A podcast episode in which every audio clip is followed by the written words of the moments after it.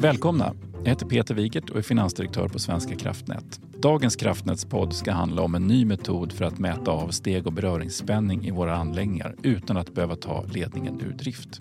Energiomställningen och elektrifieringen gör Sverige grönare och mindre fossilberoende. Med ökade överföringsbehov blir det allt svårare att få till stånd driftstopp som dessutom är kostsamma både för Svenska kraftnät och för elmarknadens kunder.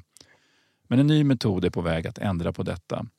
Med en ny säker metod kan steg och beröringsspänning mätas utan att nätet eller ledningen behöver tas ur drift. Ett stort steg framåt eftersom avbrotten blir avsevärt färre och därmed påverkar elmarknaden mindre. Nu säger jag välkommen till Wissam El Marakbi, handläggare och jordningsingenjör på enheten NKJ och Andy Karlsson, projektledare på NLB. Välkomna! Tack. Tack. Jag tänker att ni får börja med att presentera er. Ja, eh, Wissam heter jag och på enheten NKJ så jobbar jag med eh, utveckling och utformning av ledningens jordningssystem. Mm, tack. Mm. Andy, vad gör du på vardagarna? Ja, jag tillhör då enheten NLB, ledning byggnation och är projektledare. Så jag arbetar stor del till min vardag med eh, steg och beröring, att utföra, hjälpa till att utföra mätningar. Vi kanske skulle börja med att förklara vad är, varför är steg och beröringsspänningsmätningarna viktiga? Vad är det som kan hända om vi inte har koll på det här?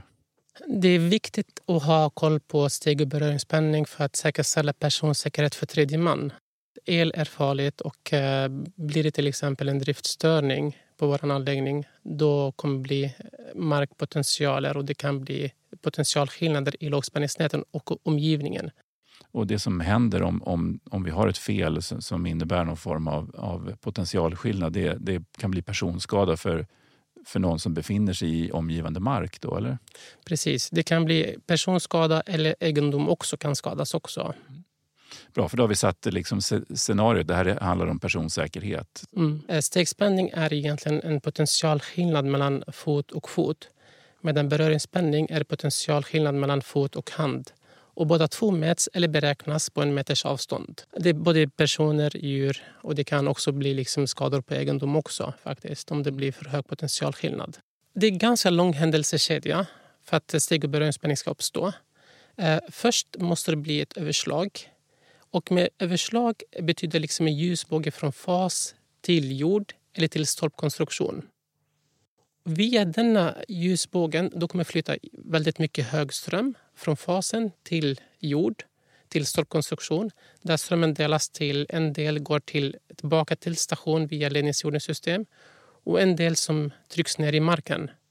Den andelen som trycks ner i marken kommer bygga upp markpotentialer i marken i omgivningen tillfället. Hittills är ingen fara för människor Eh, så länge de inte befinner sig i direkt närhet till stolpen.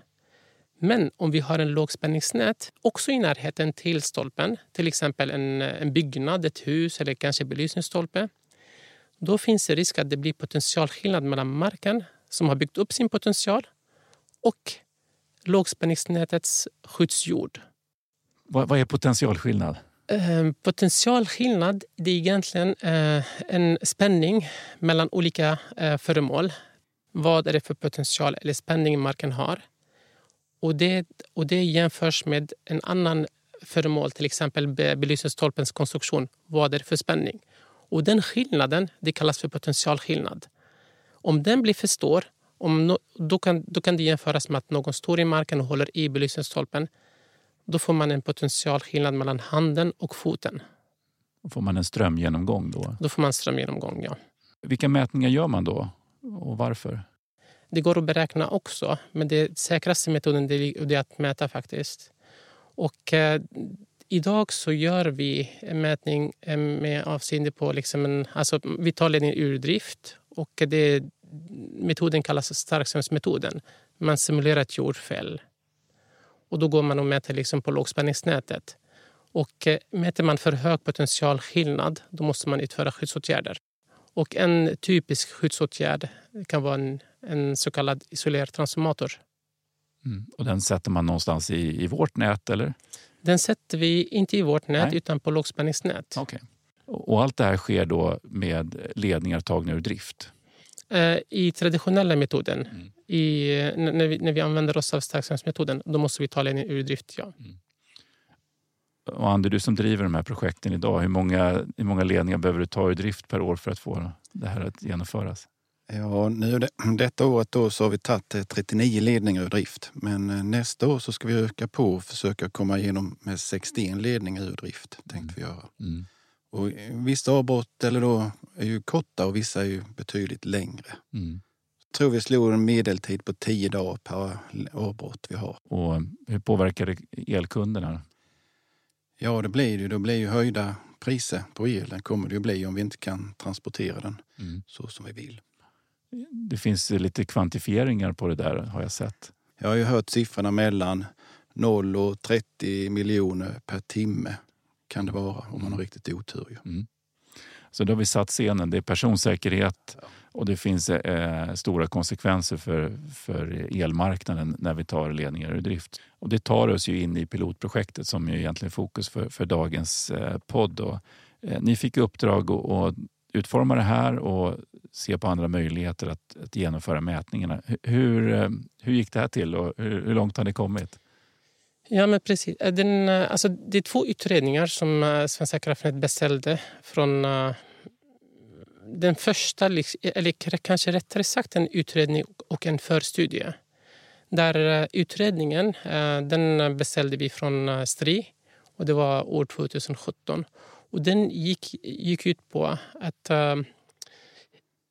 kunna hitta metoder, kunna mäta steg och beröring utan att ta ledning ur drift. Och den utredningen den visade sig liksom på, den representerade några metoder varav den bästa metoden bedömdes vara högspänningsmetoden som gav bäst mätnoggrannhet. Var är ni nu i piloten? Andy? Jo, Eh, när jag började för ett år sedan så eh, fick jag det här till mig att jag skulle vara delaktig i det här projektet. Eh, jag satte mig in, läste förstudierna och alla utredningar som var gjorda och vi hade ju då en arbetsgrupp där vi började titta på det här och då var det att vi skulle bygga den här enheten relativt snabbt. Ju. Det är som teknisk konstruktion vi behöver bygga för att kunna testa enligt den här starkströmsmetoden. Just det, vi ska då koppla upp det mot ledningen under drift. Så det är en rätt så stor enhet som ska byggas. Eh, I projektgruppen då som vi satt och vi försökte starta upp det här så var det ju en kille, Christian, som sa där, ska vi inte prova och verifiera metoden så vi verkligen vet att detta funkar? Jo, det måste vi göra. Det var ganska enkelt att ta det beslutet och pausa lite och sen koncentrera oss till att eh, försöka göra ett verkligt test av det hela. Mm. Eh, testet eh, egentligen gick, gick ut på att jämföra de här uppmätta beröringsspänningarna i lågspänningsnätet. Att de motsvarar den, de uppmätta beröringsspänning i den gamla traditionella metoden, så kallad starkströmsmetoden. Mm. Om vi får liksom jämförbara, liksom lika resultat då har vi någon form av kvittens att metoden är, um, ja, den fungerar. Mm. Ja, det blev lyckat faktiskt. Så det, det blev jätteroligt. Mm. Hur, hur, eh, går det här testet till? då?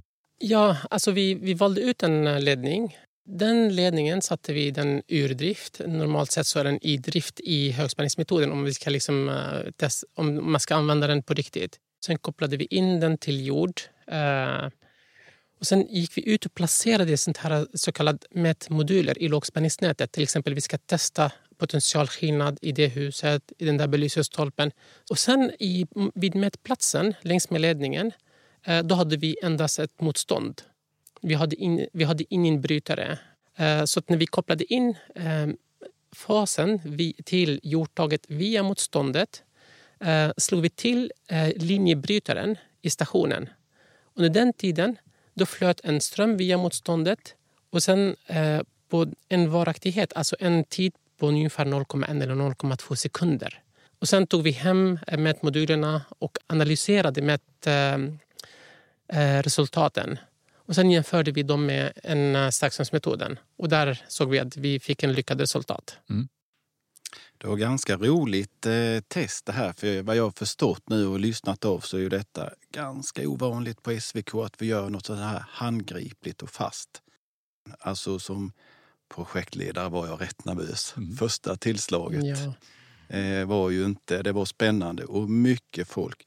Och det, har varit, det har faktiskt varit ett roligt projekt. Mm, vad spännande. Är det någon, vad är det som har gjort att vi har vågat kliva utanför den zon där vi normalt jobbar? Då?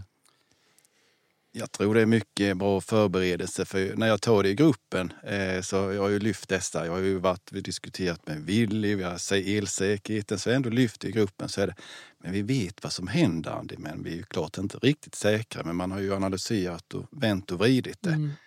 Mm. Hur, hur, ehm, hur, tar vi det vidare från nu då? Ja, nu så har vi då landat. Eh, testet gick bra. Analysen av resultatet. Vi är inte färdiga med rapporten visar ju att det här, var, det här fungerar faktiskt. Vi är klart inom gränserna så att vi kommer fortsätta med det här. Så nu är det egentligen att nu börjar vi bygga enheten som vi ska använda ute i drift i fält. Mm. Sen, sen, är det viktigt att tillägga liksom att, den, att det, det, blir aldrig de här alltså fullskaligt jordfäll. Det, de strömmarna som leds ner i marken det är väldigt, väldigt eh, alltså små. De är fortfarande farliga, men uh, hanterbara strömmar. Mm, så vi pratar kanske 40 ampere, eller 20, 30 eller 40 ampere. Alltså. Testet görs alltså med, med en, en, lägre ström än vad, vad, ett faktiskt fel skulle vara, men räcker för att bevisa det vi vill få fram? Ja, alltså, vi, vi använder brytare och motstånd. Eh, motståndet för att begränsa strömmen till att det blir hanterbar ström. Eh, och då begränsar man effekten. Eh, medan brytaren, då begränsar man tiden och där begränsar man i sin tur energin som man får från fasen. Sen de, uppmätta, de potentialer som vi mäter upp i lågspänningsnätet, de skalas sedan upp för att motsvara ett riktigt jordfäll. Jättepedagogiskt, till och med ekonomen förstår. Tack. Ja. Om vi ska fortsätta med er rapport och det fortsatta arbetet, hur, hur går vägen framåt? Eh, ja, nu börjar vi köpa delar. Vi ska köpa en 400, 300 kW brytare ska vi ha. Vi ska köpa motstånd och börja plocka ihop alla delarna. Och målet är att vi ska ha en enhet färdig då så vi kan börja eh, fortsätta och arbeta då till nästa år. Och då ska vi ut och prova i nätet och börja bygga erfarenhet och eh, lära oss och säkra då analyser och annat. Mm. Så när, när, tror du att vi skalar upp det här och gör alla våra mätningar enligt den här nya metoden? Ja, det är svårt, det är svårt att svara på. Alltså. Jag hade ju hoppats rätt så fort, men det, det, det krävs ett visst eh, arbete och erfarenhet innan. Så 2025 tror jag nog vi kan börja planera in det lite mera. Mm. När vi, när vi så småningom från 2025 har den här eh, tekniken, eh, vi, har, vi har hårdvaran och vi har metodiken klar, kommer vi ha noll ledningar eh, ur drift på grund av steg och beröringsmätning? Nej, jag skulle inte säga liksom att den uh, högspänningsmetoden utesluter starkströmsmetoden utan de kommer komplettera varandra väldigt bra. Alltså när jag tänker på jordning så tänker jag ur livscykelperspektiv. Först mäter vi, till exempel om man bygger till exempel en ny ledning. Då kan vi inte använda högspänningsmetoden för den är inte i drift. Det är en Nej, förutsättning. Just det. Just det. Då måste man mäta med, med hjälp av starkströmsmetoden. Men sen efter att man har mätt ledningen, eh, utfört eventuella skyddsåtgärder och sen verifierat och säkerställt att det finns inga farliga potentialer då är det viktigt att efteråt ha fortlöpande kontroll att ledningen är fortsatt säker under ledningens livslängd. Och vi har märkt av att äh, äh, allting förändras. Våra fällströmmar ökar, samhällen växer allt närmare kraftledningar, lågspänningsnätet förändras. Så att det är viktigt att, att ha den fortlöpande kontrollen. Det gör man genom att man, att man gör ytterligare mätningar. Mm, och att man och då, kan, kan göra dem med, under, med ledningen i drift och så precis, kommer man kunna mäta oftare. Precis. Mm. Det kommer bli ett säkrare nät helt enkelt. Ja. Och om vi mäter på det här sättet, vad, vad, om vi sammanfattar, vilka vinster och fördelar blir det för, för eh, AB Sverige och för elkunderna? Um, alltså vi får eh, en säkrare elnät. Um, vi får färre driftavbrott. Och um, det som Andy nämnde precis, liksom att det här med, med, med priserna. Skulle man mäta till exempel en eh, snittledning, alltså en ledning som går mellan olika elområden, då riskerar man att man får mm, kapacitetsbegränsning. Och då kan det finnas risk när man tar denna ledning ur drift att vissa kunder kan ha en högre elpris just under avbrottstiden. Det är inte önskvärt att ta ledningar ur drift rent Nej. generellt. Ja, vi har, nästa år planerar vi ju, om vi nu får avbrotten, så att det är inte säkert vi får, men säg om vi får 61 ledningar ur drift. Vi har sex mätteam som är ute och så 10 dagar per avbrott. Det är mycket arbete, det innefattar en hel del så det skulle göra rätt mycket om vi bara kunde halvera de här avbrotten till exempel. Ja, det är fantastiskt bra. Om, om ni skulle ge lite tips till, till eh, kollegor som funderar på annat förändringsarbete.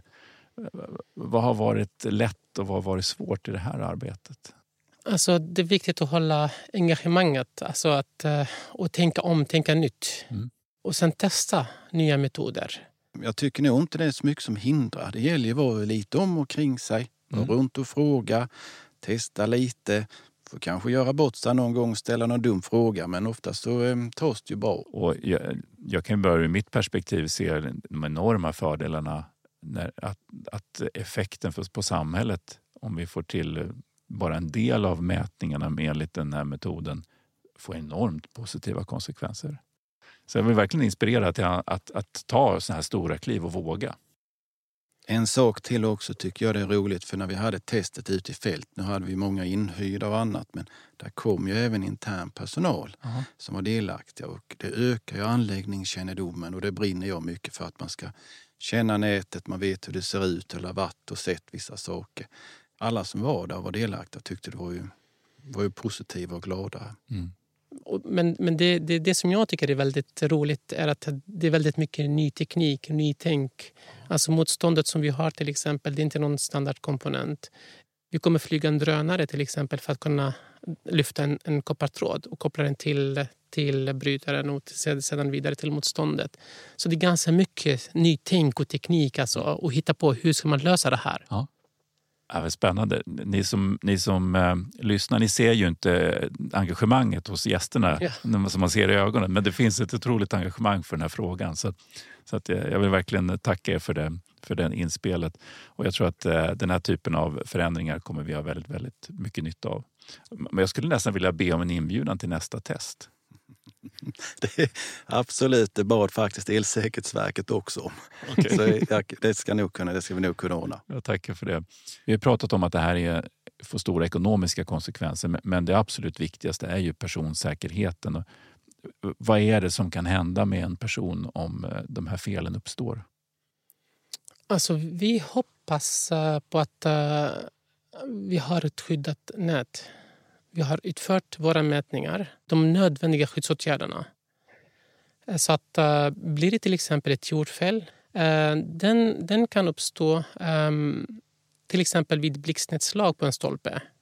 Antalet jordfäll är ungefär 50 stycken per år. Så det är inte jätte, jättemånga i förhållande till 55 000 stolpar som vi har i nätet.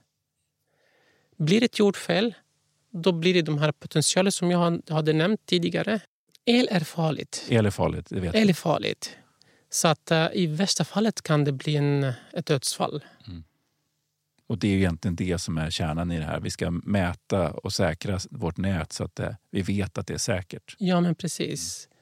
Eh, Vi har ett nät som är väldigt gammalt och hittills har vi noll dokumenterat dödsfall, tack och lov. Mm. Det finns mö- mö- möjligen finns en dödstal, men det är ingenting som är dokumenterat i alla fall, att vi har dödsfall. Alltså, målet är att behålla hög drift, eh, driftsäkert nät eh, samtidigt så att den ska vara personsäker. Ja.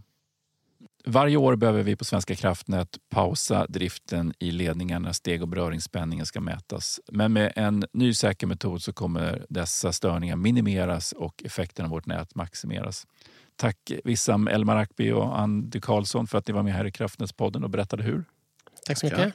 Och som vanligt ska vi avsluta dagens avsnitt med en liten fråga.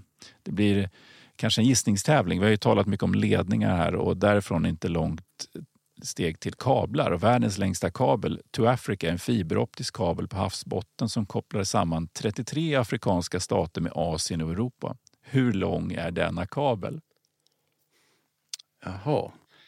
Nästan ett varv. Nej, ett halvt varv. Vad kan det vara? 3500 mil? Men det låter inte helt orimligt faktiskt om det är så, så långa avstånd. Ja. Jag skulle också gissa på ja, med 3000 mil. Ja, men ni var ju inte långt ifrån. Kabeln är 4 500 mil och det om jag minns rätt så är ett varv runt jorden runt 4 000 mil. Så det, det är ett, eh, mer än ett varv runt jorden. Det är en lång kabel. Ja, det, Väldigt, väldigt lång. Ja. Hur, hur mäter man den undrar man ju då. Eh, Tack eh, gästerna för att ni kom hit. tack. Och tack till dig som har lyssnat. Har du en fråga, tips eller en synpunkt så hör av dig till oss som gör Kraftnätspodden. Du når oss på e-postadressen kraftnadspodden svk.se.